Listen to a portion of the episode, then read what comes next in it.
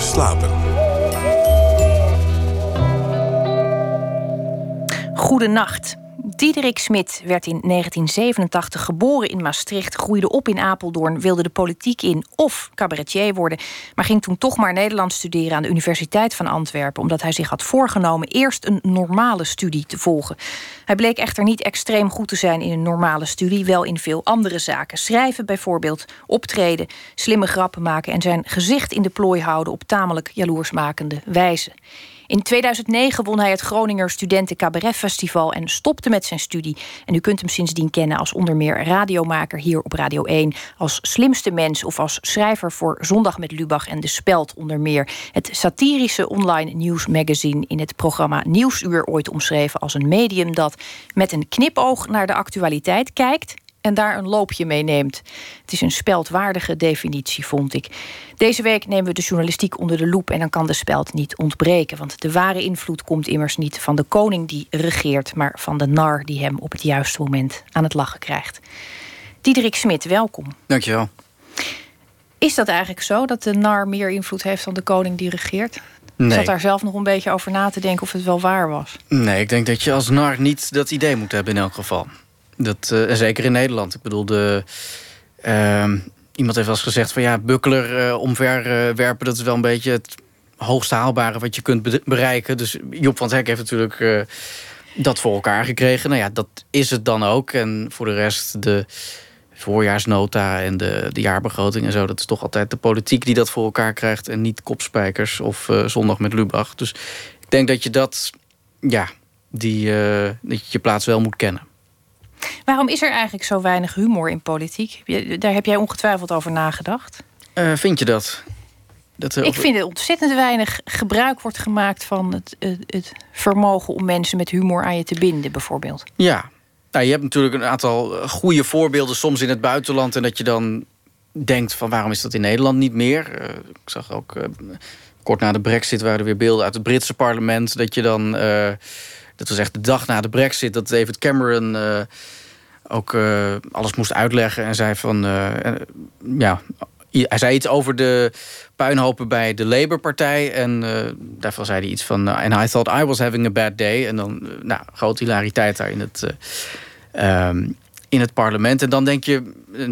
Bij Groot-Brittannië denk je dat heel vaak de debatcultuur van... waarom hebben we in Nederland niet zulke goede sprekers... of in de Nederlandse politiek... En, hebben we in Nederland niet meer mensen die humor, uh, ja, die echt met een intelligente vorm van humor inderdaad uh, hun publiek bespelen. Het wordt natuurlijk wel geprobeerd. Je hebt bij de algemene beschouwingen is het ook volgens mij wel een sport van de fractievoorzitters om juist zo gevat mogelijk uit de hoek te komen of toch het journaal te halen met een quoteje. Dus volgens mij is er bijvoorbeeld in de Tweede Kamer juist misschien wel meer dan vroeger de ja, behoefte om leuk te zijn. Maar uh, de momenten dat het ook echt leuk is, dat is natuurlijk nog weer wat uh, zeldzamer. En je hebt. Ja, de regel is meer dat je denkt dat je een fractievoorzitter een soort metafoor hoort gebruiken. Of er was ook een week dat Pokémon Go uitkwam en dat mensen dan krampachtig overal het woord Pokémon in, in wilden gebruiken. Van nou ja, het minister, het is geen Pokémon-spelletje, zou ik maar zeggen. En dat is dan een soort goedkope manier om volks over te komen. Terwijl de, ja, ik denk dat je inderdaad het meest bereikt met echt slimme humor. En af en toe, ik moet zeggen, uh, ja, soms, uh, zeker bij de algemene beschouwingen, ja, zitten er wel eens goede grappen tussen. Ook van Wilders of van der Staaij of van Pechtold ook. ja, mensen doen meer hun best en af en toe lukt het ook wel. Maar ja, het zijn geen professionals natuurlijk.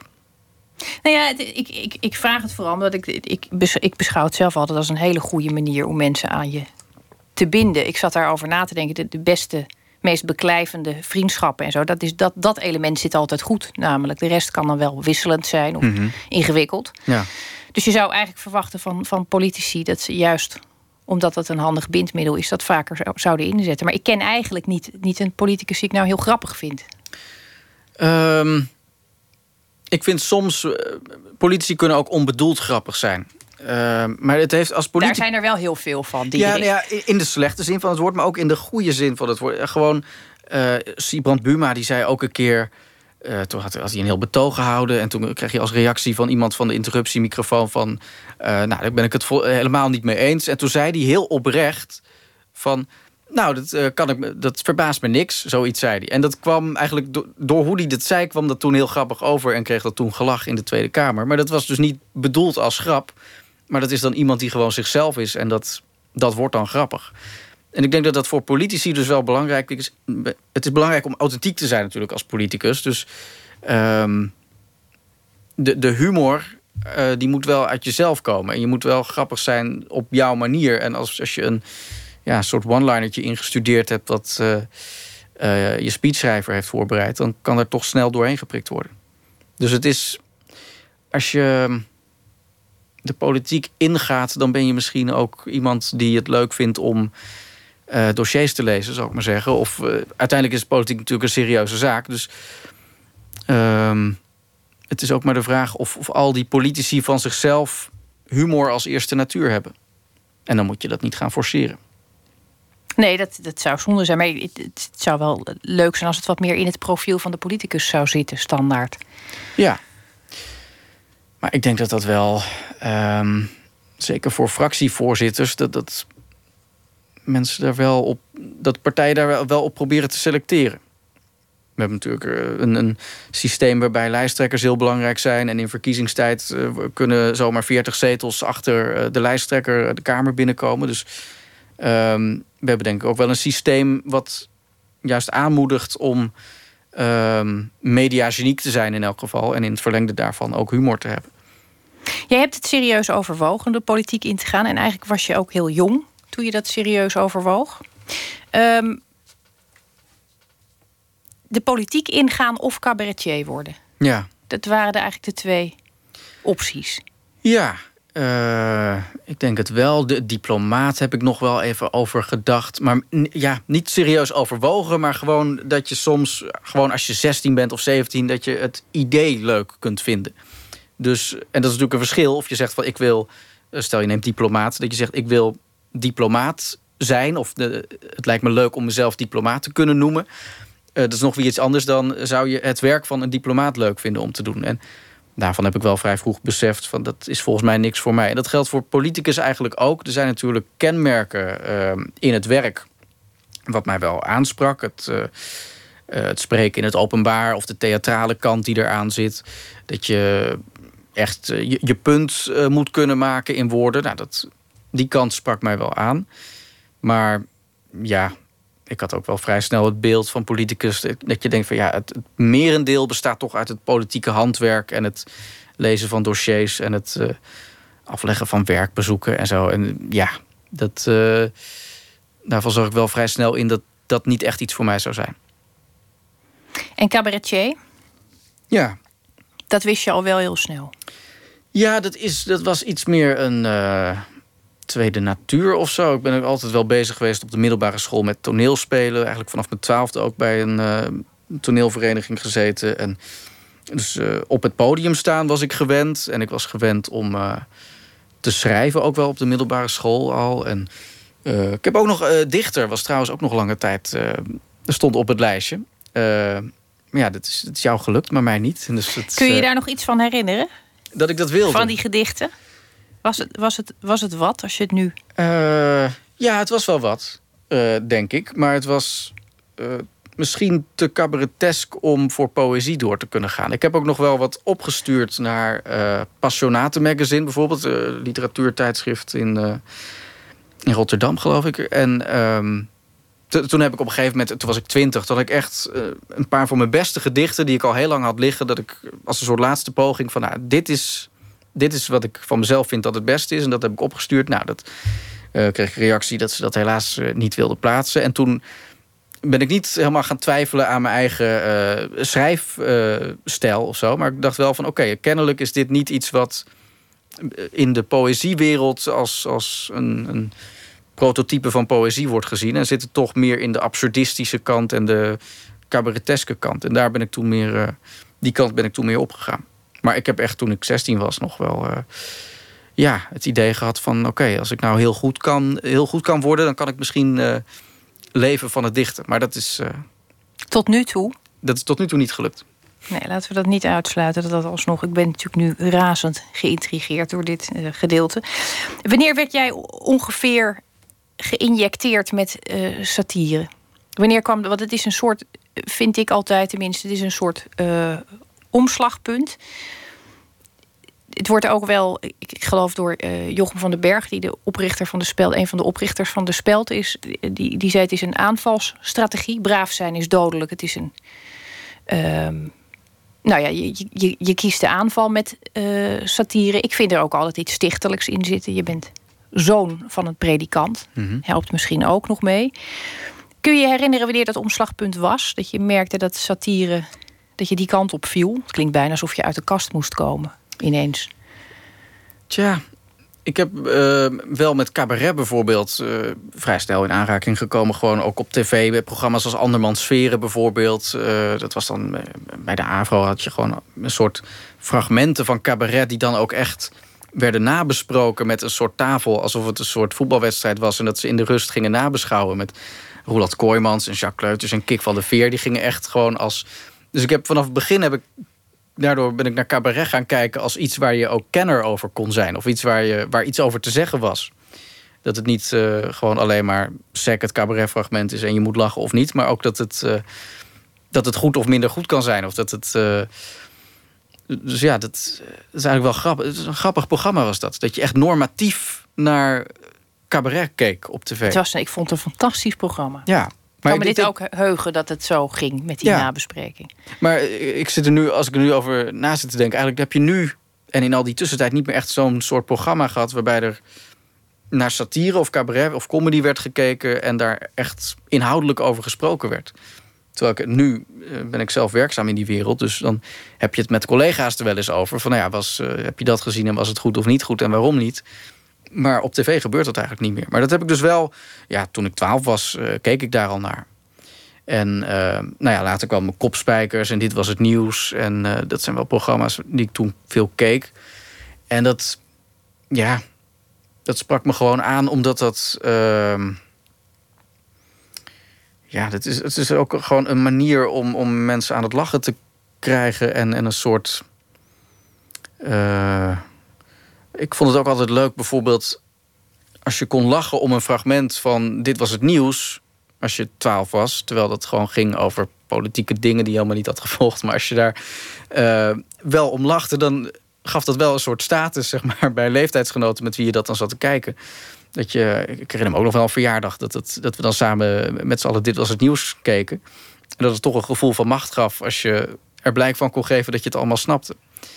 Um, Terwijl dat misschien uh, maar ten dele waar was op dat moment. Um, maar ik denk dat dat mijn eerste ervaringen met satire waren in elk geval. Nou, het is, het is mooi dat je dat zegt. Want die, die, die, dat, heeft, dat heeft het nog steeds, denk ik.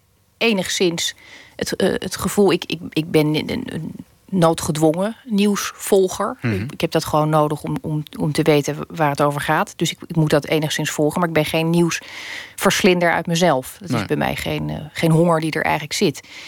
En ik ben dus ook altijd nog steeds uh, bijna kinderlijk gelukkig... als ik direct snap waar de grap over ja. gaat.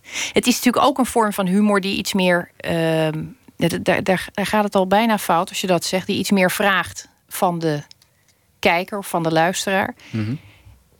Laten we dat anders noemen. Dat niet zozeer meer vraagt, maar wel iets, iets specifieks vraagt. Voorkennis. Ja. Uh, misschien ook wel een bereidheid om mee te gaan met een. Uh, uh, ja, met wat? Met een, met een manier van denken die, die, die, die, tegen je logica indrijft. zoiets. Ja. Nou, dat geldt natuurlijk voor ehm, voor meer uitingen van taal, zeg maar. Dus als je een uh, menukaart ziet, dan voor, onderstelt het ook een bepaalde voorkennis van de wereld. En ja, als je satire maakt, dan is, kan het soms wel eens een tegenwerping zijn als je iets aan het schrijven bent met iemand van veronderstel je niet te veel voorkennis. En dat voelt altijd als een soort frustrerende tegenwerping, omdat je denkt van ja, maar mensen kunnen toch gewoon de krant lezen en, en mensen kunnen toch wel wel de moeite nemen om net even dat krantenbericht te lezen wat ik heb gelezen. En dan gaan ze inzien dat dit heel grappig is. Maar de realiteit is inderdaad dat je daar, uh, dat je daar rekening mee moet houden. Um, ik ben wel altijd iemand die opkomt voor grappen die, waarvan je op voorhand weet dat ze maar door een bepaald gedeelte van de mensen begrepen zullen worden. omdat niet iedereen een bepaald onderwerp volgt of niet iedereen hadden ook wel eens een keer een, bij de speld is er iets langsgekomen. Die was niet, het was nog geen grap van mij, maar uh, iemand die opgevoed is, uh, als jongen opgevoed is door de tachtigers. En uh, nou ja, dan op, op achtjarige leeftijd ontsnapt is en in de gewone mensenwereld terecht is gekomen. En dat is een heel leuke grap. Dat spreekt tot de verbeelding. En, en het is leuk dat je de tachtigers weer eens ter sprake brengt. En dan weet je ook van ja, er zijn heel veel mensen die gaan dat te zien krijgen. Ehm, zonder te weten dat de tachtigers een, een dichtersgroep is. En dan, uh, die, mensen hebben daar uh, hebben dan niks aan dat bericht, zou ik maar zeggen. Ja, toch is het dan, vind ik het dan leuk of belangrijk om dat, uh, dat soort dingen wel de wereld in te brengen. Omdat dat, ja, de mensen die het dan. die het dan wel begrijpen, of die dat gewoon wel toevallig weten, ja, die vinden het dan ook extra leuk. Mensen vinden het gewoon leuk om, moeten harder lachen om grappen waarvan ze weten dat zij hem snappen en andere mensen niet. Het is een, een vrij menselijk trek. Je moet er daar ook niet moeilijk over nee. Precies. Een heel gezellige eigenschap. We gaan even uh, luisteren naar een um, fragmentje. Dan weten we een beetje waar we het over hebben. En dan wil ik het daarna heel graag nog even met je hebben over die verwarring. Want het heeft ook andere kanten. Maar nu eerst. Prinsjesdag was ook dit jaar weer een interessant moment om de balans op te maken over de economische situatie in ons land. De boodschap van het demissionaire kabinet was niet onverdeeld optimistisch. De gestage daling van de teruggang van de neerwaartse spiraal lijkt gestuit. Waar de verwachting was dat de afnemende verliesstijging in de tweede helft van 2010 zou afvlakken, wordt die prognose nu bijgesteld. 81% van de Nederlanders zegt verrast te zijn dat de gestage daling van de teruggang van de neerwaartse spiraal gestuit lijkt. De overige 19% sluit zich daarbij aan. Welkom bij Studio Televisie TV, het actualiteitenprogramma over ambitie en geweld. Met vanavond aandacht voor alles wat uiteindelijk veroorzaakt wordt door de volgende onderwerpen: vergelijkbare mechanismes, afgekaderde perspectieven en onderlinge verhoudingen. En mijn tafeldame is Tineke van Duren. Goedenavond. Dit jaar kwam ook een einde aan het leven van iemand die een ongekende invloed heeft gehad op de architectuur van steden als Washington en New York. In mei van dit jaar overleed Osama bin Laden. Het nieuws zorgde ervoor dat Barack Obama uit Washington van de een op de andere dag wereldberoemd werd. En ook op Twitter was de dood van Bin Laden groot nieuws. Zo twitterde Nico Teunissen. Osama Bin Laden is overleden. Ja, gisteren maakte Frank de Boer zijn competitiedebuut als trainer van Internationale tegen Chievo Verona. En Inter verloor met 2-0. Frank de Boer was absoluut nog niet tevreden. Zo vertelde hij na afloop. We luisteren even naar een fragment. Sì, creo è, è una situazione disappuntamento. Certo non sono soddisfatto, non sono soddisfatto del, del risultato. Ja, Diederik Smit. Het was een, een compilatie volgens mij van verschillende bronnen we hadden het net even over die verwarring die soms ontstaat. En ik, uh, dat intrigeert mij omdat in Nederland is, is ooit bedacht dat er een ironieteken moest komen. Een paar jaar geleden, dreigde Facebook zelfs met een, uh, een, een, een, waarschuwing als een bericht satire was. Die is er volgens mij niet gekomen. Ik zit niet op Facebook, maar jou was het ook niet ter oren gekomen. Dus misschien was het dus Nee, ik, ik, ik, weet dat het inderdaad dat er toen sprake van was. Maar volgens mij is het niet, uh, vooralsnog niet ingevoerd. Nee. Nu heb jij wel eens in een interview uh, verteld, dus dat is trouwens ook, ook, algemeen bekend, dat de, de, berichten uit met name de speld uh, in het begin heel vaak zijn overgenomen of zijn serieus genomen, terwijl dat niet per se de bedoeling was.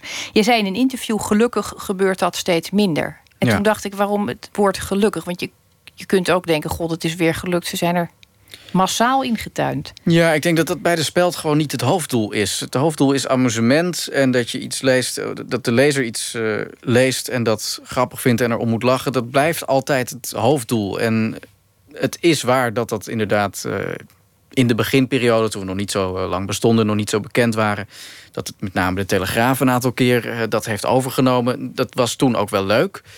Maar ja, het is. Het, ja, het is onze eer te na om dat tot hoofddoel te verklaren. Want dan, uh, ja, dan zijn er wel makkelijke manieren om mensen te misleiden of uh, te claimen dat iets waar is terwijl dat niet zo is. Ja, dat is niet de, dat is niet de grootste lol. Is er een hoofddoel of is er een grootste lol? Is er een hoofddoel of, of is allebei? het hoofddoel van satire? Nou, ik denk dat in elk geval moet ehm, de, de- amusement, zou ik maar zeggen. Dus dat het grappig is, dat moet wel echt. ehm, dat is wel echt het eerste criterium. Dus je kunt nog zo'n goede ondertoon hebben of nog zo'n goede boodschap die eronder ligt op het moment dat je het niet ja, echt, echt grappig vindt. Dat- het grappige er helemaal eh, eh, af is of, of eh, wordt overschaduwd door die ondertoon. Ja, dan, dan vind ik het geen goede satire in elk geval. Dus ik denk dat dat, ja, dat is wel het eerste vereiste. Er wordt ook heel vaak gezegd eh, dat, dat, dat met name de speld, maar dat doet eh, Zondag met Lubach eigenlijk ook. En heel veel vormen van satire leggen mechanismen bloot. In het geval van de speld zijn dat natuurlijk heel vaak journalistieke mechanismen. Het is toch ook weer niet bedoeld om aan te tonen dat de journalistiek lui is of faalt. Of, ehm, Maar het is er wel toch een beetje een, een bijproduct van. Ik bedoel, ik, ik, ik merk dat toch wel vaak dat ik dat denk. Daardoor. Wat merk je? Dat je Nou, dat ik, dat ik constateer als ik een, een bericht op de speld lees. En dus ik schiet daar dan onbedaarlijk om in de lach. Maar ik denk dan ook vaak: God, het is, zo gaat het wel. Of zo is het. Ja. Het is natuurlijk een kwartslag gedraaid van iets wat je als lezer vaak Ja. in de serieuze media ook tegenkomt. Ja. En het is niet altijd. ehm, het is niet altijd erg wat je blootlegt, zou ik maar zeggen. Dus eh, soms zijn er dingen dat je denkt van, nou, dit is goed dat we dit eindelijk hebben aangepakt. Maar een voorbeeld wat we met Zondag met Lubach hebben gedaan eh, over de andersomliners, waarbij we fragmenten uit het journaal hebben eh, laten zien waarin telkens dezelfde zinsconstructie werd gebruikt. Dus eerst werd het woord van het, het onderwerp van het nieuwsbericht wordt verteld en dan de rest van de zin. Dus eh, vuurwerk, eh, ook dit jaar werd er weer veel van afgestoken. Nou, dat is een bepaald mechanisme wat je dan ontdekt en dat laat je dan zien en dat is dan grappig. Maar je snapt het ook wel weer als, eh, als je elke dag een acht uur journaal moet vullen. Je moet op zoek naar alternatieve zinsconstructies om, het, om niet elke, elk nieuwsbericht op dezelfde manier te beginnen. Eh, het is ook gewoon een bestaande stijlfiguur, dus het, het heeft zijn functie. Dus dan heb je soms iets wat. eh, een, journalistiek mechanisme wat leuk is om ja, expliciet te maken en om bloot te leggen. En mensen gaan, dat gaat mensen opvallen. Nou, dat is, dat is leuk zonder dat het per se een misstand is. Of eh, het, kan, eh, het kan best een functie hebben. Maar het Nou ja, je, je- vergroot in ieder geval de, de, de scherpte, denk ik, voor een deel bij de krantenlezer. Dat je, je, je krijgt in de gaten welke trucjes er worden uitgehaald. Dat, dat, dat Ja. weet je op een gegeven moment in de supermarkt bijvoorbeeld ook. ja. Dat je bij de kassa staat en dat er zo'n hele rij chocoladerepen ligt, is geen toeval. Nee. Dat trucje weet je, je trapt daar toch af en toe in. Dat is, dat is met, met het lezen van nou, maar wel minder. nieuws niet anders. Ik denk dat je er minder vaak intrapt als je het weet. Ja, bij mij wel. Maar dat komt omdat ik dan denk, ja, het is nu mijn eer te na om hierin... eh Ja, Het is bijna een principiële beslissing op dat moment. het is ik dan wel zin in eh, die chocola vaak. Ja, ik, ik vond het ook weer opvallend bij een eh, Zweedse meubelzaak waar we laatst waren. Dat, ehm, eh, dat je op verschillende hoeken. ehm, had je dan van die knuffels van, van honden of beren of zo. Dus dat je. na, na 100 meter kom je er eentje tegen. Dat je denkt van, oh ja, als, als gezin gaat het kind hier zeuren om die knuffel. En dan kun je nog eh, als ouder weerstand bieden. En dan eh, 200, ma- 200 meter later kom je hem weer tegen. En eh, bij de kassa weer. Dus ja, dat, dat is wel. eh, en dan helpt het als je je van die eh, eh, supermarktpsychologie en dergelijke bewust bent. En ik denk dat dat voor, eh, eh, ja, voor de journalistiek ook wel geldt. Nou ja, het zegt natuurlijk ook veel over onze leeshouding. En dat is deze week wel een aantal keren ter sprake gekomen. Dat, dat er eh, toch ook wel hele terechte discussies zijn over... in, in hoeverre je een lezer zijn eigen nieuws moet laten selecteren. Eh, of laten ze, daar heb je natuurlijk gewoon weinig invloed op. En tegelijkertijd kun je daar allerlei sturing in geven. Moet je dat willen? Wat doe je vervolgens met de, met de macht die je daarmee Ja. creëert, et cetera? Ehm, jij maakt je daar minder zorgen om, heb ik de indruk, over die ja, eigenzinnige selectie die lezers maken. ik denk dat lezers eh, ja, intelligent genoeg zijn om dat, om dat zelf te doen. Ik, ik vond het heel grappig ook dat er laatst weer eh, ophef was... omdat de nieuwsbrief van Blendel te politiek correct zou zijn. En dat, nou, dat zou ook best eh, zo kunnen zijn. Het is een heel grappig gegeven dat net Blendel helemaal in het nieuws is geweest de afgelopen jaren. Want, eh, nou, revolutionair dat mensen zelf uit allerlei kranten kunnen samenstellen wat ze willen lezen.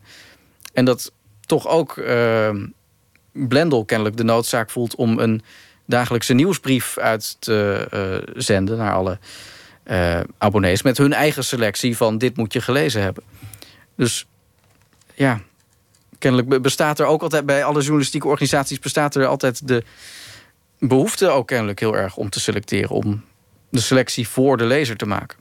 En met Twitter zie je het, uh, zie je het ook wel dat daar ook. Uh, vroeger was je Twitter-tijdlijn uh, chronologisch. Dus je, volgt, je kiest zelf welke mensen je volgt. En dan krijg je dat te zien en verder niks. En ja, Twitter gaat nu ook dat meer met algoritmes zelf bepalen wat de belangrijkste dingen zijn die je moet zien. Dus het is wel. Um, een grappige ontwikkeling. Dat er e-, enerzijds lijken er meer mogelijkheden te komen voor nieuwsconsumenten om zelf een selectie te maken. Maar er blijft ook altijd een soort tegenkracht van de nieuwsmedia zelf om zelf selecties te blijven maken. Het is een beetje een vorm van vrijwillige verzuiling. Ja. En dat vind je. Dat, ja, goed, dat vind jij niet zo ver. Je bent uh, zoon van een predikant, zei ik net al even. Wat, wat voor God hadden jullie thuis? Was het een. een. Um... Mocht er gelachen worden? Was het, was het zo? Ja, ja zeker. Het is. Uh, denk, we hebben een, een, heel vrije opvoeding gehad, denk ik. Uh, ja, ik ben wel opgevoed met het idee dat God een persoonlijke God is, vooral. Want daar wordt. Uh, ook binnen de christelijke wereld wordt daar natuurlijk nog wel eens verschillend tegenaan gekeken. En je hebt ook tegenwoordig wel weer, ook binnen ja, het christendom wel bewegingen die het iets uh, mystieker maken of iets uh, esoterischer van het licht of de eeuwige. Of... En ik, ik heb daar zelf wat minder mee. Ik, ik, uh, ik geloof zelf ook. En ik geloof inderdaad ook nog steeds in een persoonlijke God. dus met dat idee ben ik wel opgevoed. Maar wel, ja, ehm, een liefdevolle God. En ik ben opgevoed ook met het idee dat je voor alles uiteindelijk ook je eigen verantwoordelijkheid hebt. Um, en nou ja, dat je dus. Uh, wij waren niet echt van, van de excuses van. Uh, nou ja, ik, ik, laat me niet inenten, want als ik ziek word, is het de wil van God of dat soort dingen. Dus wat dat betreft, uh, ja, een, zeker geen ver, verstikkend godsbeeld, zou ik maar zeggen. Nou, dit, het, het, is voor mij relevant omdat ik dacht, het is ook bij de satire ook altijd de. Je moet op een gegeven moment de grens ontdekken Mhm. waar je niet overheen kunt. En dan, dan helpt het als je uh, op zijn minst een levensvisie voor jezelf helder hebt, lijkt me. Ja. Ja, nou, dat, dat, dat heb ik ook wel. Um, en dat is iets wat. Het is niet zo dat dat één op één, dat je daar uh, elke minuut van de dag mee bezig bent en dat je satire maakt uh, vanuit het idee. Uh, hoe kan ik mijn eigen persoonlijke overtuiging of geloofsovertuiging zo goed mogelijk verwoorden in dit satirische artikel? Dat, het is eigenlijk maar zelden dat je echt uh, er op die manier over na hoeft te denken. Nee, dat lijkt me ook. Het ja. lijkt me merkwaardig als je daar elke dag over nee, na dat, dat zou heel vermoeiend zijn. Ja. De toekomst van de journalistiek, dat is de vraag die ook de hele week terugkomt. Ja. Is er iets waar jij je zorgen over maakt? Ter afsluiting? Ja, toch de opkomst van het perkament. Dat uh, zie je toch uh, steeds meer terugkomen nu. Nee, ik, uh, ja, waar maak ik me zorgen over? Ehm, misschien de politieke correctheid bij grote nieuwsmedia, ehm, kwaliteitskranten, NRC met name. dat, dat zeg ik niet omdat ik elke dag de NRC lees. Dus ik kan het niet met 100% zekerheid zeggen. Maar wat ik uh, ervan meekrijgen. In elk geval via Twitter of af en toe artikelen uh, met de kop erboven. Uh, ja, of, of het, nou ja, ik, ik vind bijvoorbeeld de stukjes van Arnold Grunberg vaak heel slecht. Dat is vaak, ik vind dat veel te veel. Het vergoelijken van terrorisme en, en dat soort zaken. Nou ja, dat zijn dan de kwaliteitskranten. Ik zou me er zorgen over maken als dat het enige geluid zou blijven. En wat dat betreft is het goed dat er sociale media zijn en Twitter, et cetera, waardoor er meerdere geluiden mogelijk zijn. Maar ja, dat moet wel blijven. Heel erg bedankt dat je er was. Graag gedaan. We gaan verder na het nieuws van 1 uur. En dan gaan we het onder andere hebben over de nieuwe film van Pedro Almodovar.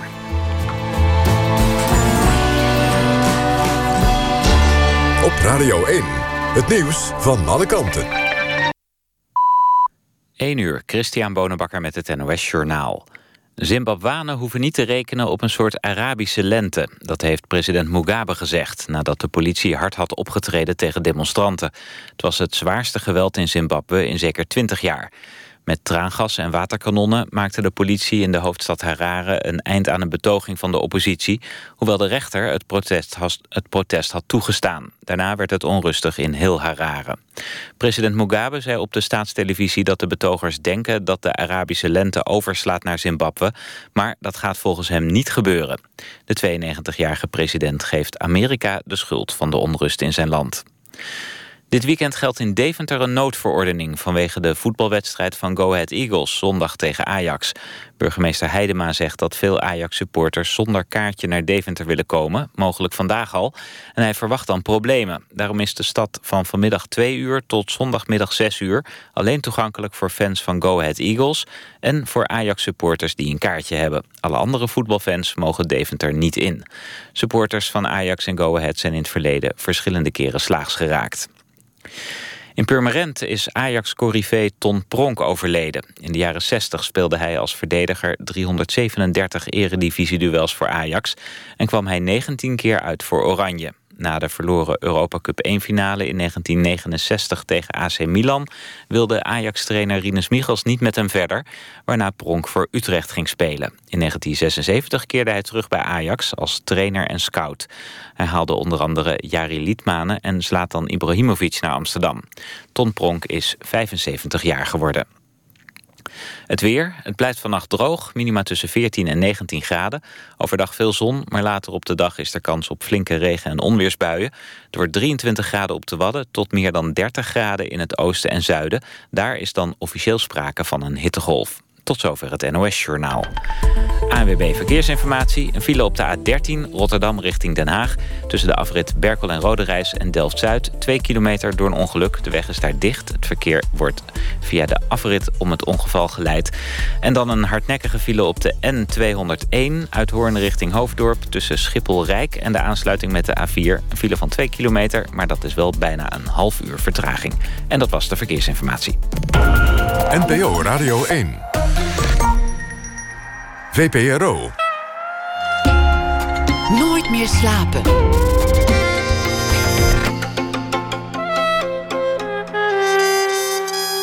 Met Esther Naomi Perquin. Goedenacht, welkom terug bij Nooit meer slapen. Low and Behold, zo heet de nieuwe documentaire van Werner Herzog. En daarin verkent hij de invloed van het internet. Straks hoort u naar aanleiding van die film een radio-essay over de gevolgen van innovatie. En schrijfster Maartje Wortel komt langs, die deze week ineens een mooi klein boekje uitbracht, getiteld Goudvissen en beton. Maar we beginnen met een schrijver of dichter die reageert op iets wat er vandaag is gebeurd. Een taak die Ninja Weijers op zich heeft genomen, de schrijfster die veel lof en prijzen oogste met haar debuutroman De Consequenties. Ninja, goedenacht. Goedenacht. Hoe zag jouw dag eruit? Want het was, uh, nou ja, het gaat al dagenlang eigenlijk nergens anders over dan over het weer. Laten we het daar maar niet over hebben. Nee. Was het een goede dag? Het was een goede dag. Ik moet dan altijd even nadenken wat ik in godsnaam ook alweer heb gedaan. Ja, ik heb gewoon eigenlijk de hele dag binnen gezeten met alle ramen tegen elkaar open en gewoon gewerkt. Dat vind ik dan altijd heel fijn als het heel mooi weer is om dan uit een soort verzet toch gewoon binnen te gaan zitten. En heb je dan niet de neiging om voor, op voor het raam te gaan zitten en te kijken wat de rest van de wereld aan het doen is? Ja, maar ik vind het altijd al geruststellend genoeg dat het, het feit dat de zon schijnt, denk ik: oké, het is mooi weer. En nu, nu ga ik gewoon verder. Wat is jou vandaag in het nieuws opgevallen? Um, nou, ik las um, dat, dat dit studiejaar uh, voor, voor het eerst, uh, volgens mij in Nederland, het grootste deel van alle studies Engelstalig is helemaal. Dus, dus, dus meer studies zijn, als je begint aan een studie, dan heb je een hele grote kans dat je hem helemaal in het Engels moet doen. En er is zelfs las ik ook in Leiden bijvoorbeeld een, een, een studie die heet Dutch Studies. Dat is dus helemaal in het Engels. Um, en dat, er is natuurlijk ook heel veel protest tegen, omdat, uh, omdat het ook allemaal ja, uh, uitdraait soms op halfbakken onderwijs en docenten die niet goed genoeg Engels praten en studenten die het eigenlijk ook maar niet goed genoeg meekrijgen. En dat je een soort, hè, mensen zijn heel bang dat er een soort totale vervlakking optreedt. En aan de andere kant is het allemaal natuurlijk een heel economisch model, omdat universiteiten universiteit heel veel internationale studenten willen aantrekken. Nou ja, het is volgens mij al heel lang een discussie, maar het stond in ieder geval in de krant vandaag. Dus... Jij hebt daar je, je bijdrage op geënt? Ik heb daar mijn bijdrage op geënt. Nou, dan gaan we daar daar met genoegen naar luisteren. Ninja Weijers. Dear students, welcome to your first class of Dutch literature. A new spring and a new sound. Hopefully, you got hold of the English translation of Willem Frederik Hermans' Never Sleep Again, translated as Beyond Sleep. Every year, there are students who ask if they can just read it in Dutch, but I do not recommend this highly. This study is not without English. Who stubbornly wants to keep reading in Dutch cuts himself in the fingers. We should be able to compete internationally, with America, for example, and China. At a conference in Shanghai or Washington, you do not come away with a Dutch essay on Alfred Issendorf or Fritz Echter van Echters. No, there will not be a dog who understands you. You cannot start early enough with reading English translations of Dutch literature. In high school, there are still lazy teachers that let you just read in Dutch, but I can tell you that kind of sloppiness is something of the past now. We expect that you will always speak in, in English about Dutch literature, also outside of the class. You may simply be happy in the Dapperstraat or thinking of Holland slowly through endless lowlands, but please remember to do it always in translation. Everything of value is defenseless, said Lucia Bear. I would like to change that into everything of value is English. Thank you for your attention and have a great and inspiring year. A year in which you will only understand half of what the teachers are telling you because they do not really speak English very good and neither do you. Ninja Weijers, dankjewel. Heb jij zelf colleges in het Engels gevolgd? Ja. Viel ja. dat mee? Ja, nee, dat, dat, viel, dat viel reuze mee. En ik bedoel, ik ben er ook niet alleen maar tegen. Maar het is wel echt, echt zo dat met. Ik bedoel, dit was natuurlijk een beetje een overdrijving. Maar dit soort dingen komen natuurlijk wel voor. Ehm, dat je alleen hele rare sprongen gaat maken in het Engels. En dat, dat, dat er hele rare termen. Ja, dat, dat niemand het eigenlijk meer goed spreekt. Uh, goed. Ik ben toch blij dat we uh, de, de, meeste literatuur nog gewoon in het Nederlands tot ons mogen nemen. Ik hoop ook wel dat dat zo blijft. Uh, Nia Weijers, dank je wel voor je bijdrage deze week. Het was een, een, slopende week natuurlijk. Dat is altijd als je het nieuws voor ons moet volgen. Ja, nou ja, het is vooral dat je dan zo net om één uur s'nachts... altijd net zo zit ik dan net tegen slaap... en daarna ben je weer, weer helemaal wakker. Dus het heeft mijn slaapritme in ieder geval goed, uh, goed verstoord. Nou ja, wie weet wat het voor prachtige literatuur ja, nog vast. oplevert. Laten we daar maar op hopen. Dank je wel, uh, Ninja, en slaap lekker.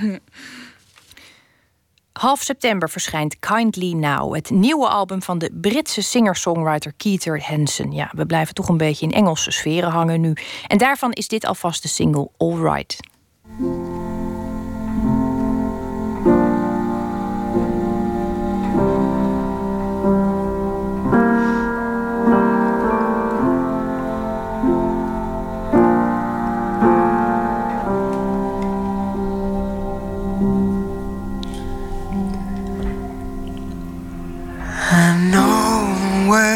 West was one this way, but God forgive the heartless way we let it all burn down. I know, I know you're off on tour. Godspeed, my love. I'll not be bored with all the mess here now. I won't allow my heart to get over you now. Let yours take a generous bow. I'll be fine.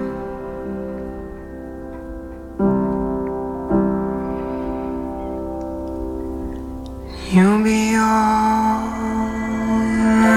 Come and see me in the morning. I'll be in the sunrise, its rays don't burn a hole in my eyes. You know me, I worry, can always use some pity. Scared to do a session if it's in the city.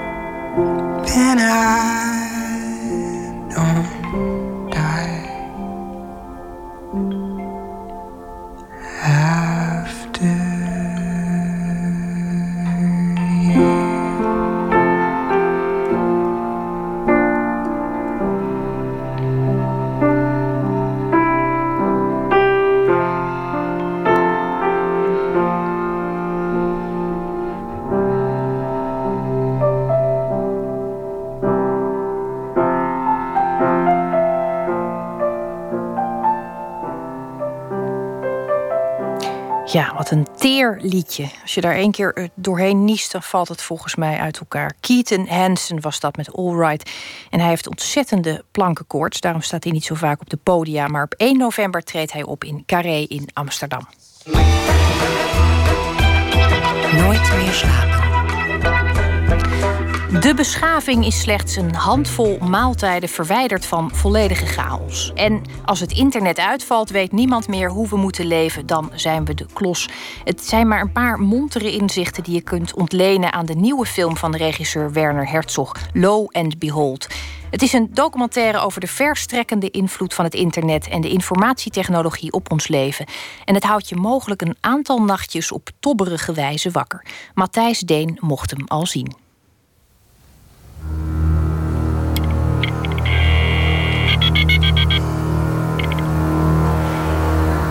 Moeten er nog twee weken op wachten, de nieuwe film van Werner Herzog. Maar ik kan al wel verklappen dat het een overpeinzing is over hoe het internet, de tot in de haarvaten verbonden wereld, ons dient, maar ook bedreigt, ons inspireert en verandert. This is the campus of the University of California in Los Angeles. Today, no one of the students is aware that this is ground zero of one of the biggest revolutions we as humans are experiencing. De titel Lo and Behold, letterlijk zo archaïs als ziet en aanschouw, verwijst terug naar een gebeurtenis in 1969 op de campus van de Universiteit van California, waar een groepje computerwetenschappers erin slaagde om twee computers, de een in Los Angeles, de ander honderden kilometer verderop in Stanford, zo op elkaar aan te sluiten dat wat de ene typte op het beeldscherm van de ander verscheen. De keuze was gevallen op het prozaïsche woord login. Maar de operatie crashte al naar de tweede letter, zodat op het ontvangende beeldscherm van Stanford enkel de L en de O verschenen. Lo stond er. Het oud-testamentisch ziet. Crash. The SRI computer crashed. So the first message ever on the internet was lo, as in lo and behold. We couldn't have asked for a more succinct, more powerful, more prophetic message than lo. Werner Herzog beschouwt die eerste stap naar het internet was een revolutie, een ground zero, een gebeurtenis zo belangrijk als de ontdekking van Amerika. Maar in de kranten van de volgende dag staat er niets over. Er valt te lezen dat op Schiphol negen Koreaanse adoptiekinderen zijn aangekomen. Dat Van Hanegem geschorst is vanwege natrappen. En er staat een plan in om afvalwater niet in sloten te dumpen of in rivieren, maar met tankschepen naar de Noordzee te vervoeren en daar te lozen. In the year 45, 45, ain't gonna need your teeth, won't need your eyes. You won't find a thing to chew. Nobody's gonna look at you. In the year... Lo and Behold is een documentaire. Het Zokiaans natuurlijk, als het alleen maar vanwege zijn stem. Maar ook vanwege zijn keuze voor het onderwerp. De omgang van de mensen die die portretteert met een uit de hand gelopen droom. Een wonderschoon monster dat ontstond uit de fascinatie van enkelingen. En dat uitmondde in een gedigitaliseerde wereld die mensen afstoot en meesleept. En die tegelijkertijd stormende hand als onbegrepen het leven verandert. You see that the internet is not good or evil. Right. Nor is electricity. Right. Dit is de stem van Werner Herzog in gesprek met Mark Maron op zijn podcast WTF. Right. Humans are good or evil. It's a phenomenal, phenomenal thing to, to look at it and to conceptualize and to see things that have nobody has even predicted 15 years ago and they're happening now.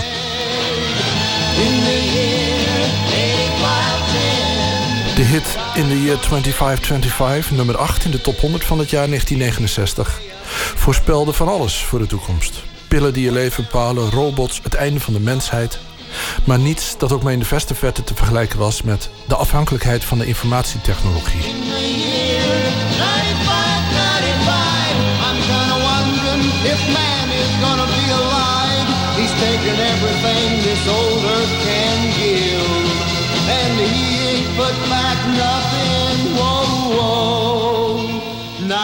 De 29 oktober 1969, de dag van die eerste gecrashte verbinding tussen de computer van UCLA en Stanford, liep ik zelf waarschijnlijk gewoon met een voetbal onder de arm over straat in het dorp. Of keek ik verveeld naar buiten, ik was zeven. Het was een dag als alle anderen.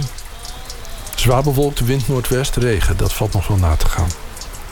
Maar geschiedenis is maar zelden iets dat je bewust meemaakt. De muur die viel, de torens die instortten, dat soort dingen zijn uitzonderingen. Meestal verandert de wereld in stilte en is het nodig om achterom te kijken. Om het te zien en te begrijpen.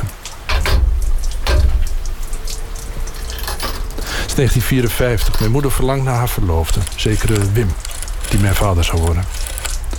Hij was er niet. Hij had een baan gekregen en woonde in afwachting van het huwelijk aan de andere kant van het land. Ik had het laatst nog met Ida over dat, dat het zo veranderd is.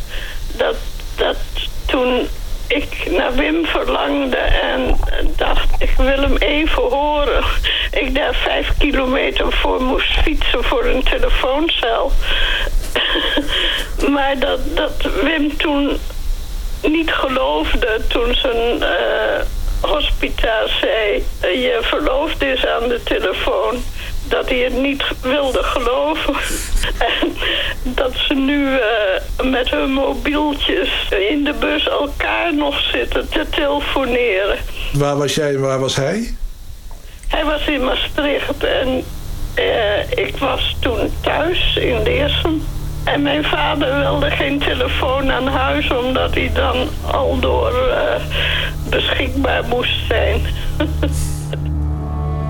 Today if we would burn CDs of the worldwide data flow for one single day and stack them up to a pile, this pile would reach up to Mars and back. The internet is already permeating everything. Even on the International Space Station, a phone call from one module to the next goes via the internet. But how do we keep it running? How do we guard it? De film Low and Behold is in staat je te laten nadenken over dingen die je weliswaar al weet of denkt te weten, maar waarvan je de omvang toch niet goed bevatten kan. Bijvoorbeeld dat er met het internet en alle daarvan inmiddels afhankelijk geworden technologie, logistiek, communicatie, navigatie enzovoort, een wereld is ontstaan die ons, in ieder geval mijn voorstellingsvermogen, eigenlijk te boven gaat. In geen jaren wird schon hier in Massen der deutsche Volkswagen darüber brausen. Iemand die er verstand van heeft vertelde me gisteren het verhaal dat toen de Duitsers in de jaren 30 begonnen met het aanleggen van snelwegen, ze op zekere afstand van elkaar ook wegrestaurants bouwden, naar voorbeeld van de Romeinen.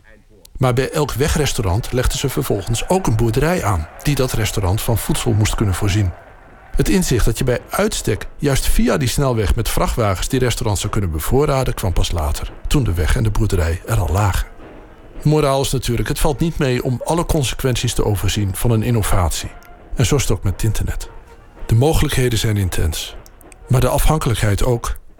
En daarmee ook de kwetsbaarheid. Because if the internet is down, you cannot buy your hamburger at the joint down at the corner. No, and you I- cannot flush your toilet anymore. and you cannot go in the elevator to the 70th floor in New York City. And you have no connectivity. You have no uh, radio, no telephone. Yeah. Nothing. Naarmate de film vordert, laat Herzog zien dat de afhankelijkheid van het internet zo diep is doorgedrongen in al onze voorzieningen dat, mocht het systeem falen, wereldwijd de samenlevingen knarsend tot stilstand zullen komen. En wie dat scenario doordenkt, kan somber worden. Of wie weet zelfs, net als in de jaren van de Koude Oorlog, flink gaan hamsteren. Ik heb zo'n achterbuurman die in de informatica werkt. Hij heeft een grote voorraad eten begraven in zijn tuin, weet ik. Hij heeft me wel eens laten zien. Het raad der zaak zegt hij daar niets over, zeker niet voor een microfoon. Straks weet iedereen waar het eten ligt als het zover is. Lo and Behold is ondanks alles een montere film. Al laat Herzog zorgwekkend geloofwaardige onheilsprofeet aan het woord. Hundreds of millions of people will die, billions of people will die. De toon blijft menselijk. En de soms lang aangehouden shots tonen de woordvoerders niet alleen als onheilsbrengers, maar ook gewoon als mensen die er ook maar wat van maken. Wonderful. Die combinatie van fascinatie en humaniteit, dat kan niet zo goed. What a what a team. No, and and I think that uh, young people uh, will eventually ask the essential questions: Why are we here? What are we doing here? How do we conduct our lives? How do we uh, touch each other? How do we cook for each other? How do we uh, raise children? You believe they will continue to ask those questions? Yes, it uh, it's inevitable. Sure, we are humans. Let's face it. It's a wild time of transition.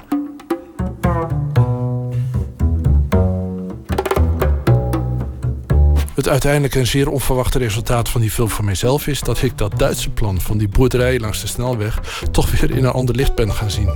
Die zelfvoorzienende restaurants die waren er niet voor als de vrachtwagens zouden rijden, maar voor het geval dat het logistieke systeem zou falen, de vrachtwagens zouden uitblijven en iedereen weer op zichzelf aangewezen zou zijn. De film Lo and Behold is vanaf 15 september te zien in de bioscopen. En u hoorde fragmenten uit de film en ook fragmenten uit het interview dat Mark Maron met hem had op zijn podcast WTF. En een bijdrage was dit van Matthijs Deen. Uit Birmingham, Alabama, komt de blanke soulband St. Paul and the Broken Bones. En ze waren deze zomer voor een aantal optredens in Nederland, speelden onder meer op Pinkpop. En binnenkort verschijnt hun nieuwe plaat Sea of Noise. En een van de nummers die daarop komt te staan is Flow With It, You Got Me Feeling Like.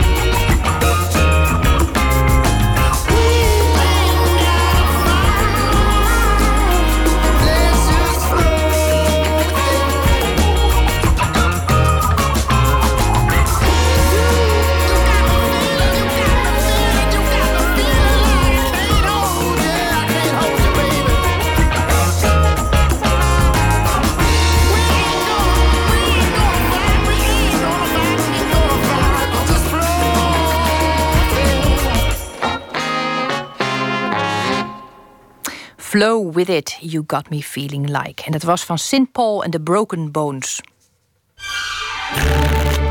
Open kaart. In onze rubriek Open Kaart trekt de gast kaarten uit een bak met 150 vragen over werk en leven. En deze keer doen we dat met schrijfster Maartje Wortel.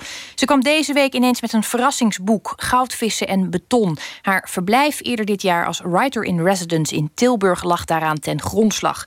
En Maartje debuteerde in 2009 met de bundel Dit is jouw huis en vestigde meteen haar naam als een nieuwe en eigenzinnige stem in de Nederlandse letteren. En vorig jaar verscheen de bundel Er moet iets gebeuren en nu ineens dit boekje.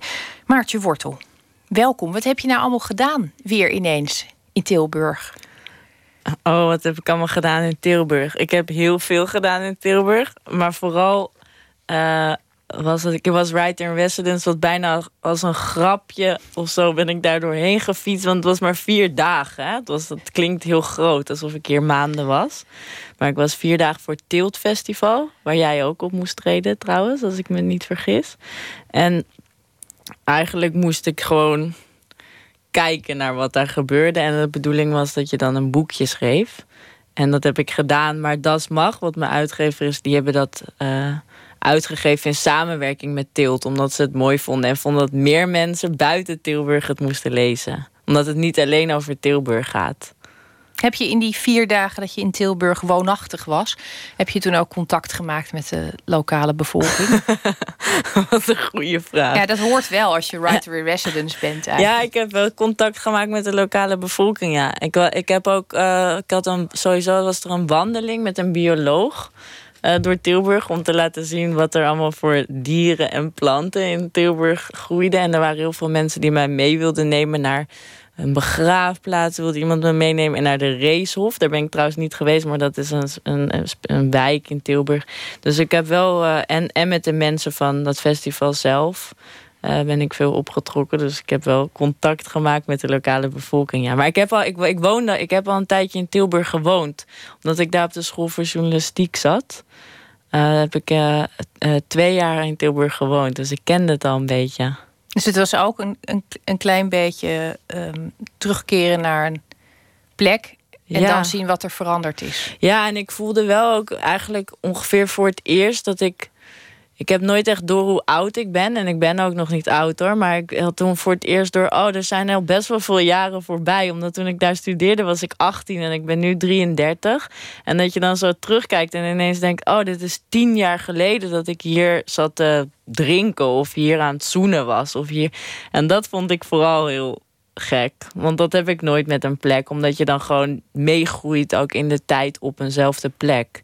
Dus dat voelde ik vooral erg. dacht ik, oh jeetje, het is zo allemaal doorgegaan. Maar dat heeft niks met het boekje te maken hoor. Maar dat is even een persoon, persoonlijk dingetje. We gaan eh, over persoonlijke dingetjes gesproken. We Ja. gaan, we gaan kijken of we aan de hand van onze befaamde open kaart vragen meer te weten komen over jou. Ehm, het ziet er heel spannend uit. Ja, het is ook heel spannend. En het, het kan natuurlijk ook ontzettend verkeerd aflopen. Dat is eigenlijk net als met Tilburg zelf. Ja, ik denk ook dat dit echt verkeerd af gaat lopen. Want ze staan ook eh, voor een deel andersom. Dat is ook wel heel spannend. Ik ga even deze omdraaien. En dan mag jij zelf. Al deze vragen al een keer. eh, zijn die allemaal een keer langsgekomen bij jou? niet. Of is het voor jou ook nog een verrassing? Nee, dat, dat, zal, dat, zal bijna, dat is bijna onmogelijk dat ze allemaal al zijn langs geweest. Oké, nou. Nou, ik zou zeggen Maartje Wortel. Ja, ik zou een kaart trekken. De eerste is: wanneer ben je wanhopig in het maakproces? oh, je kijkt ook echt alsof ik nu ook echt wanhopig moet zijn, onmiddellijk. Ik zit handen Ik wrijvend. ben eigenlijk altijd wanhopig in het maakproces. Ik ben denk ik nooit niet wanhopig in het maakproces. Eh, en daarom doe ik het. Ik bedoel, dat is een deel van het maken, is dat het opzoeken van de wanhoop. Je ziet er eigenlijk nooit wanhopig uit. Maar dat is misschien wel. Klopt dat bij jou vaak? Dat, je... Dat ik er niet uitzie Ja. als ik me voel. Ja, Ja. is dat vaak een eh, lastig iets? Want je, je ziet er eigenlijk altijd gewoon ontzettend eh, gelukkig uit. Dus die wanhoop neemt ook niemand serieus, dat kan je wel zeggen. Maar dan denk ik, ja, dat wil ik dan ook zien. Maar ik zie het niet. Ja, het is wel erg dat mensen pas iets serieus nemen als ze iets zien natuurlijk. Want dat is eigenlijk, je wil dan ook wel meteen het juiste te pakken. Want dat vind ik soms ook wel moeilijk. Omdat eh, ik wil ook niet dat iedereen alles aan me ziet. Dus dat is ook ergens eh, bewust omdat ik het heel, lijkt me heel vervelend als gewoon alle mensen daar aan, aan je emoties kunnen zitten. Of allemaal zien van, oh nou, zo is, dit is er met jou aan de hand. En van de andere kant is het zo dat het dan inderdaad heel gevaarlijk is dat je niet serieus genomen wordt als je zegt, ik heb pijn of verdriet. Want dat zeg ik dan wel, Lachend. ja. En dat is niet om het weg te lachen of zo hoor. Want dat lijkt dan zo alsof je onttrekt aan een bepaald eh, aan, een, aan een verantwoordelijkheid of aan je eigen gevoel of er weg verloopt. Dat heb ik ook helemaal niet. Maar het is meer dat ik. eh, ik denk dat ik dat dan toch liever voor mezelf hou. En daarom, omdat als je dan lacht, dan denken mensen: oh, het valt wel mee, dus we gaan hier even overheen. En dat vind ik ook wel prettig. Terwijl ik zelf vrij veel van anderen vraag, vind ik het niet zo heel fijn als mensen iets van mij vragen. Dus ik zit hier precies in de juiste rubriek. Maak ik me ook meteen echt wanhopig. Maar dat zie je dus niet aan me. Maar nee, ja. Ja, wat moet ik daarover zeggen? Ja, ik, ben, ik vind het wel... dat Zo'n maakproces is wel... eh, eh, ik wil dat... Ik doe het en ik wil het ook heel graag. Maar ik vind, ja, het maakt me wel wanhopig. Omdat je al, het maakt, je, maakt me wanhopig omdat het altijd zo is. Je wil natuurlijk altijd iets, zit er iets in je hoofd. En je wil altijd iets wat toch niet lukt. Want als het wel zou lukken, tenminste om voor mezelf te spreken, stop je er ook mee. Met schrijven. Ja, of wa- waar dan ook mee. Als iets lukt, dan is het ongeveer eh, ook wel weer klaar. Of dan wil je weer verder of iets nieuws of iets anders. En eh, met het schrijven heb ik dan altijd in mijn hoofd wat ik wil bereiken. En dat heb ik nog nooit bereikt. Wat ik wil. Om, ook omdat ik niet zo goed weet per se wat ik wil. Maar wel dat ik iets wil wat eigenlijk onbereikbaar is. Dit klinkt misschien heel vaag. Maar dat is natuurlijk als je een schilderij, om het even wat concreter te maken, als je een schilderij maakt en je denkt, ik ga nu een eh, rivier tekenen, ik noem maar wat, en je hebt dat helemaal in je hoofd, dan wordt dat nooit zoals je in je hoofd hebt. En daarom probeer je het nog een keer, nog een keer, nog een keer, net zo lang totdat je zelf denkt, ja, dit is precies, maar dat krijg je nooit zoals je het in je hoofd hebt. En dat is heel mooi, maar dat kan je ook wanhopig maken, omdat het gewoon, omdat je altijd misgrijpt, toch? Ik vind misgrijpen ook wel een heel mooi, ehm, een mooi woord in deze, als het gaat om schrijverschap. Neem nog een vraag als je. Waarom? Of mag ik het... Nee, omdat ik, omdat ik denk dat een heel groot deel van het, eh, van het schrijverschap bestaat uit misgrijpen. Ja, en ook als je, als je leest, toch? Dan lees je heel vaak wel, denk je, oh ja, dat is niet helemaal gelukt, maar dat is ook niet. Het is ook niet zo heel interessant als iets wel lukt, vind ik. Als het in ieder geval, het is heel goed als iets lukt, maar niet als het volledig lukt. Er moet altijd wel iets, ook in vriendschap of liefde of zo, moet er wel iets een beetje dat je misgrijpt. Naar, ja, je zit me zo lief aan te kijken. ik, grijp, ik, ik grijp wel even een nieuwe kaart. Oh, wie is je grote voorbeeld? Heb jij dat? Ik wil eerst iets anders weten. Ja. Dat eigenlijk mag, mag helemaal niet. Je hebt net die vraag, maar ga Ja. ik er weer tussendoor. Doe maar. Heb jij ooit posters boven je bed gehad? En zo ja, van wie? Ja, ik heb, ik heb wel degelijk posters boven mijn bed gehad. Ehm, ik weet niet of iemand die naar dit programma luistert, deze mensen ken- van 3T. ken je dat? Dat Nee, zijn ik- de neefjes van Michael Jackson. Eh, namelijk, ik ben wel die namen vergeten eigenlijk, maar eentje heet Tash. Dat weet ik nog wel. Die vond ik namelijk het knapst. Waren drie knappe neefjes van Michael Jackson. Daar had ik posters van. En die hingen ook echt klassiek. Echt mijn hele kamer vol. Jee. Maar wel een heel korte periode. En dat was ook, denk ik, meer een beetje meeloperij, omdat mijn vriendinnen, vriendinnen daar allemaal wild van waren. Want ik heb nooit zo'n, ik heb nooit iets echt gehad met grote voorbeelden. Of ik kan wel vrij snel door iemand geobsedeerd zijn. Of me focussen op één persoon of zo. Maar eh, ik heb niet een groot voorbeeld ook in mijn, in mijn, in mijn. Ja, eigenlijk wel. Ik zit dit nu te zeggen, denk, oh ja, ja, Jan Wolkers is wel mijn grote voorbeeld. Eh, Was dat ook het boek wat je op het spoor zette van de wanhoop waar je nu al jaren in terecht bent ja, gekomen? ook, ook dat. En de Jan Wolkers is ook mijn grote voorbeeld. Omdat als je echt... Ik weet niet of je dat herkent, maar als, je, als ik dan vroeger schrijvers op tv zag... of Gerard Reef of Annie M. G. Smit of zo... dan dacht ik ook, oh, zij, zij spreken zo mooi. Je kan dan zien, oh, die taal die zij dan... Als, dan zie je zo'n kop op de tv en hoe zij dan aan het praten waren... dat vond ik echt fantastisch. En Jan Wolkers doet dat natuurlijk ook heel speels. En dat, hè, hè, dat kan ik niet nadoen. Maar dat er tussendoor en over diertjes... en met zoveel liefde en schaamteloosheid... dat was ik helemaal eh, van, van de kaart nog steeds. Ja, laatst was ik op Texel... En toen zag ik Carina Wolkers zitten in een uitspanning op het strand. En toen werd ik, was ik daar al helemaal van van slag. Omdat ik dacht, oh, zij is in de buurt geweest heel lang bij hem. En nu ben jij in haar buurt. Ja, dus ik heb wel een groot voorbeeld. Ja, dat klinkt echt wel als een. eh, Ja. Het was eigenlijk de, Eigenlijk de is hij grote variant van de liefde. poster boven je bed. Ja, wel ja. En ook dat ik weet dat hij dan, dat hij zo, toen ik debuteerde, was hij zo niet zo lang dood. En dat ik dat heel erg vond, omdat ik op een feest was bij de uitgeverij en dacht, ah, dat is echt de- over, over misgrijpen en gemiste kansen gesproken. Dacht ik, oh, dan had ik even op zijn schoot kunnen gaan zitten of wat dan ook. En toen zei ik dat tegen de uitgever, dat ik dat graag wilde. En toen zei hij, ja, maar daar zitten Remco Kampert en Harry Mulisch. Dan kan je daar wel. Ik dacht, ja, maar wat moet ik nou met Remco Kampert? Je en gaat niet zomaar op iedereen Nee, ik ook. wil Jan Wolkers. En tot grote... eh, toen werd Harry Mulisch trouwens kwaad. Die werd kwaad. Die voelde dat het allemaal niet goed zat. Dat ik hem niet... eh, zo, dat ik niet bij hem op schoot. Die was, haal haar hier weg. Wie is dit meisje? Maar dat is weer een ander verhaal. Dat heb ik al eens verteld volgens mij ook. Maar... Niet aan mij. Oh.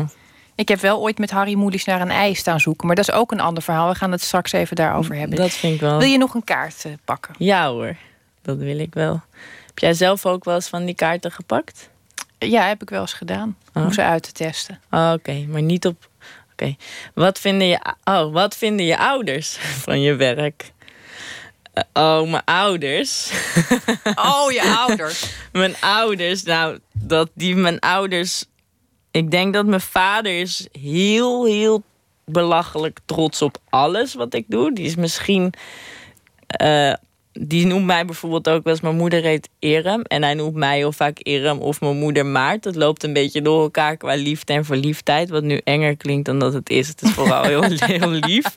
Maar hij is trots op alles. Maar ik denk dat mijn vader het niet zo goed leest allemaal. Dit luistert hij natuurlijk ook. Maar hij is dan toch trots. En mijn moeder leest het wel. Die, is, die, die kijkt dan vooral ook als moeder... Oh, wat zullen de mensen misschien hiervan vinden? Maar ze zijn wel tro- trots, ja.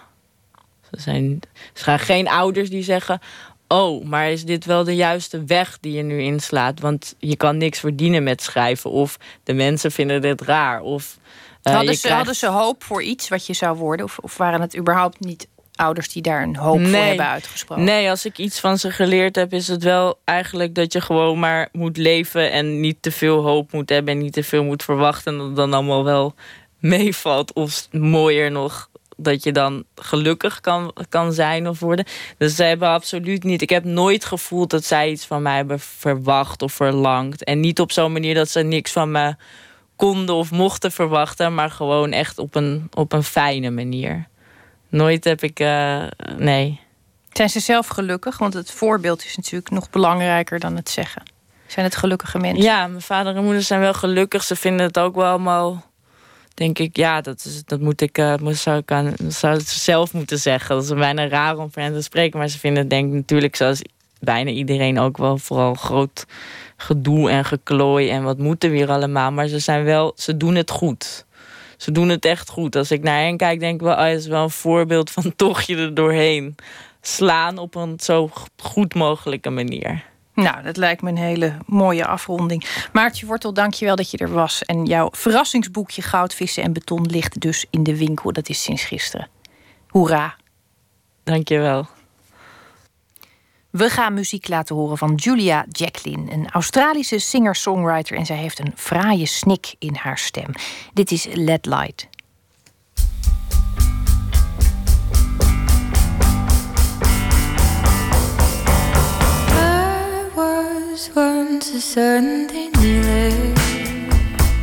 I saw light.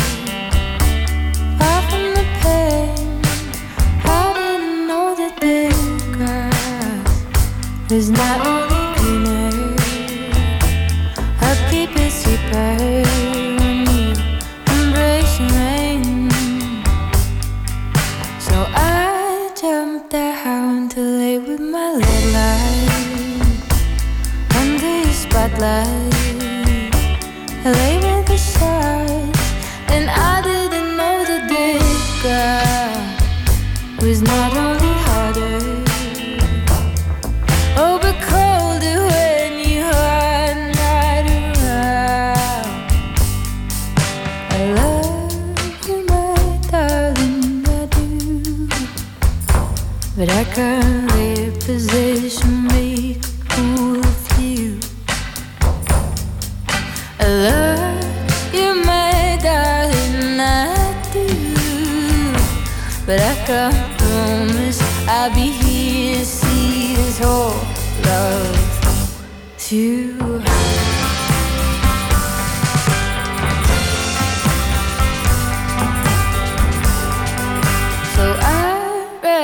dreams to reach the skyline. Straight up that incline. I ran the blue, and I didn't know that this sky is not only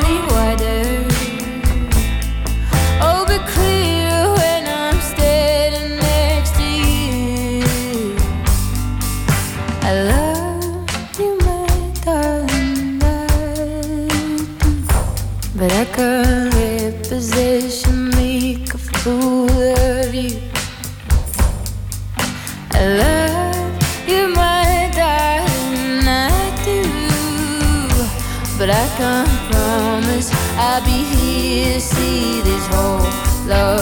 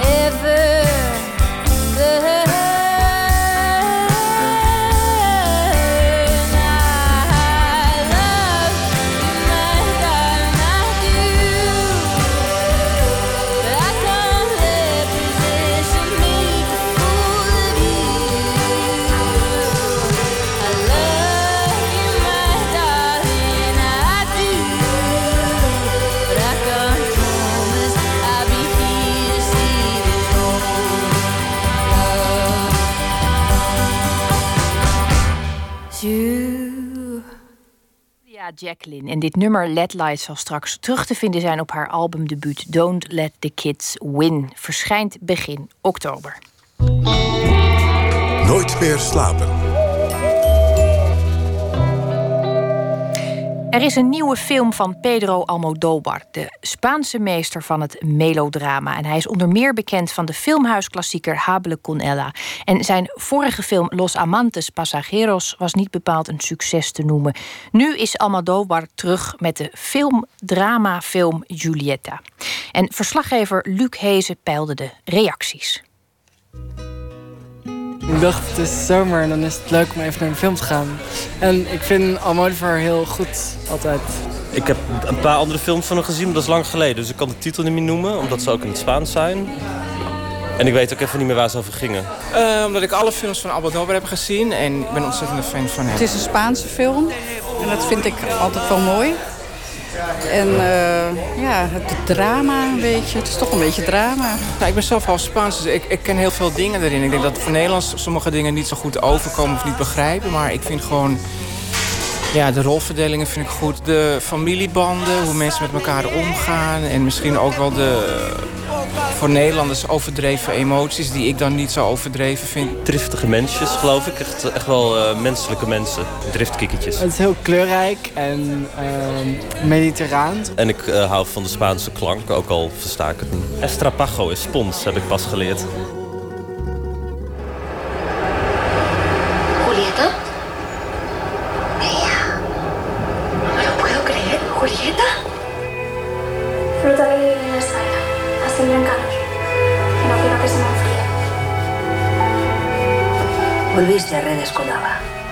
Cerrar la casa y ponerla a la venta.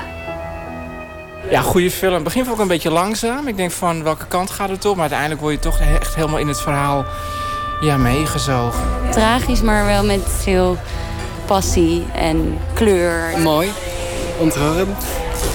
En hij besluit je, zeg maar, langzaam. Nou ja, in heel kort gaat het over een uh, ja, moeder en het zonder je, je dochter zijn. Ze schrijft dus een brief naar haar dochter om alles te verklaren wat in het verleden gebeurd is. En dan krijg je dus haar hele, ja, haar, haar levensverhaal uh, te zien. Hoe ze haar man ontmoet, hoe zij geboren wordt, wat er gebeurt en wat er daarna allemaal gebeurt. Wat ze in werk stelt om haar dochter ja, toch weer te kunnen zien. Ik moet terugkomen op wat ik eerder zei, want het zijn niet per se de, de, de driftige Mozart-figuurtjes. Maar niks is onverschillig. Alles is geladen. Ik vind zeg maar die esthetiek heel mooi. Van dat, dat is altijd rood en zo in dat groen. Wat ik een hele mooie scène ook vond, is dat als Julieta met haar moeder in bed ligt. Dat vind ik ook ja, zo intiem. Dat vond ik prachtig toen die drie moeder, uh, grootmoeder, dochter en kleindochter naar buiten kwamen gelopen. Alle drie in volle bombastische outfits in Sevilla, in, het, uh, in Zuid-Spanje, in de zon. Paul Bert en Abla waren zulke goede films. Het was zo moeilijk te overtreffen. Want de films die daarna gekomen zijn, waren ook een stuk minder. En deze komt dan in de richting, maar die andere twee zijn echt... die heb ik al een aantal keer gezien en die blijven gewoon goed. Het zit voor iedereen wel wat in, zoiets romantisch, maar je krijgt ook je drama en daarna overweldigend is het. Hij is wel heel dichtbij gekomen in ieder geval om te laten zien hoe, hoe erg het voelt om uh, je kind kwijt te zijn. Iedereen verliest iemand, elke generatie verliest iemand. En ze hebben daar geen begrip voor totdat ze het allemaal meegemaakt hebben. Tot slot, 1 op 5 ballen. Wat voor score geef je hem? 4. Absoluut 4, ja. ja. 4, ja. 4 wel. Ik vond hem erg goed. Niet zijn beste film, dat zeg ik ook heel eerlijk. Maar wel een van zijn betere. Julieta, zo heet dus de nieuwe film van Pedro Almodóvar.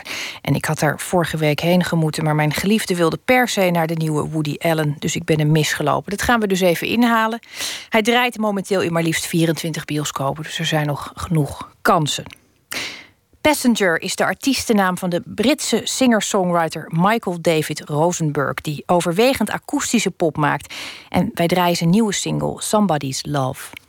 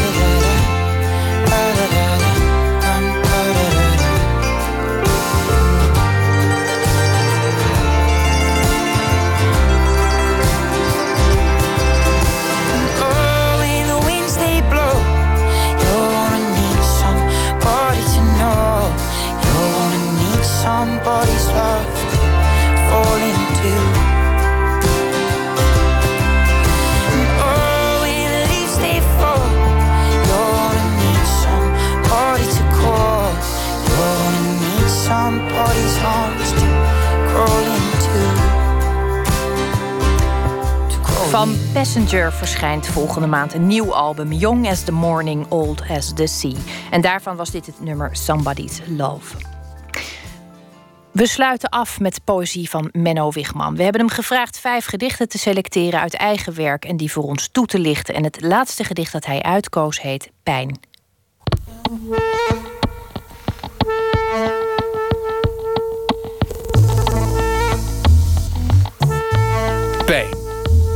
S'nachts slaap ik op een mes.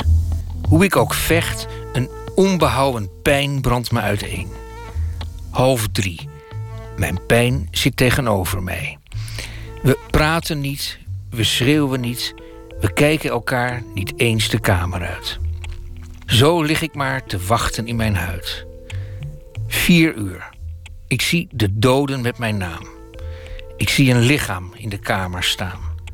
Sterk is het, tanig, stoer en jong, sprekend mijn lichaam toen het alles kon. Ik groet het niet.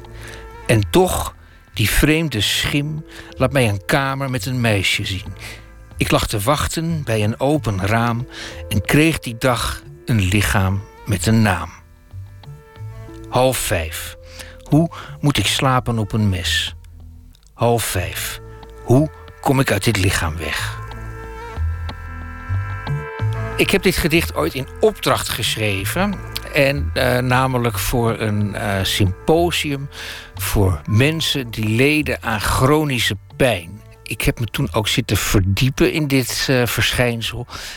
Wat ik wel eens vaker merk is dat mijn gedichten meer weten dan ik.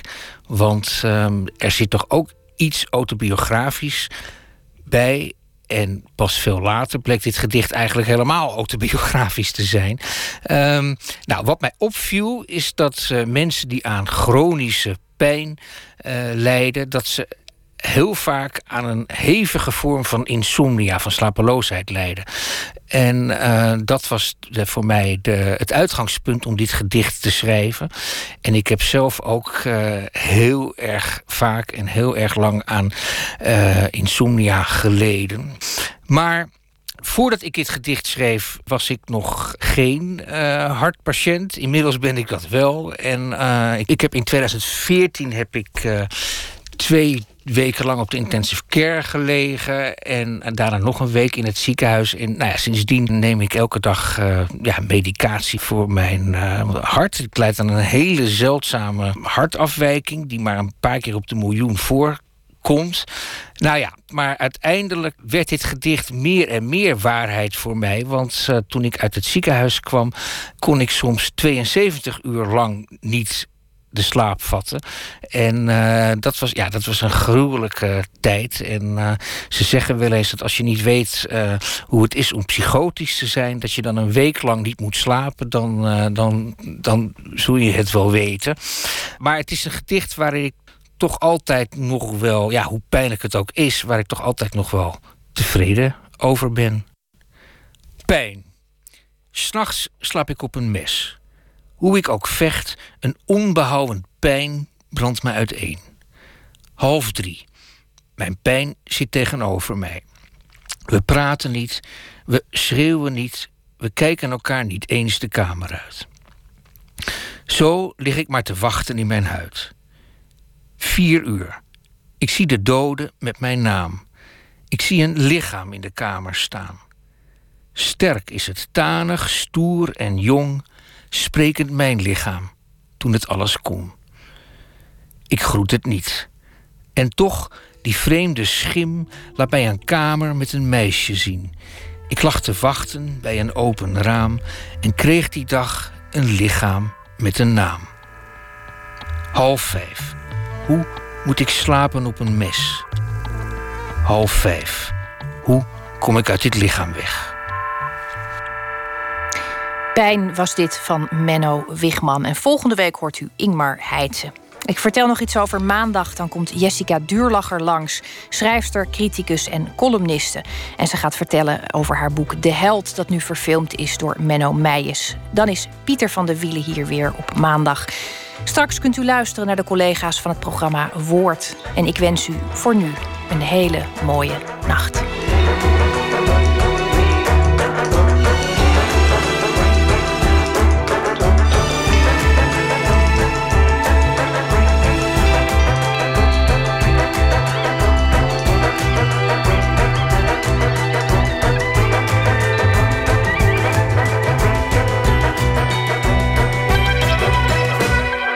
Radio 1, het nieuws van alle kanten.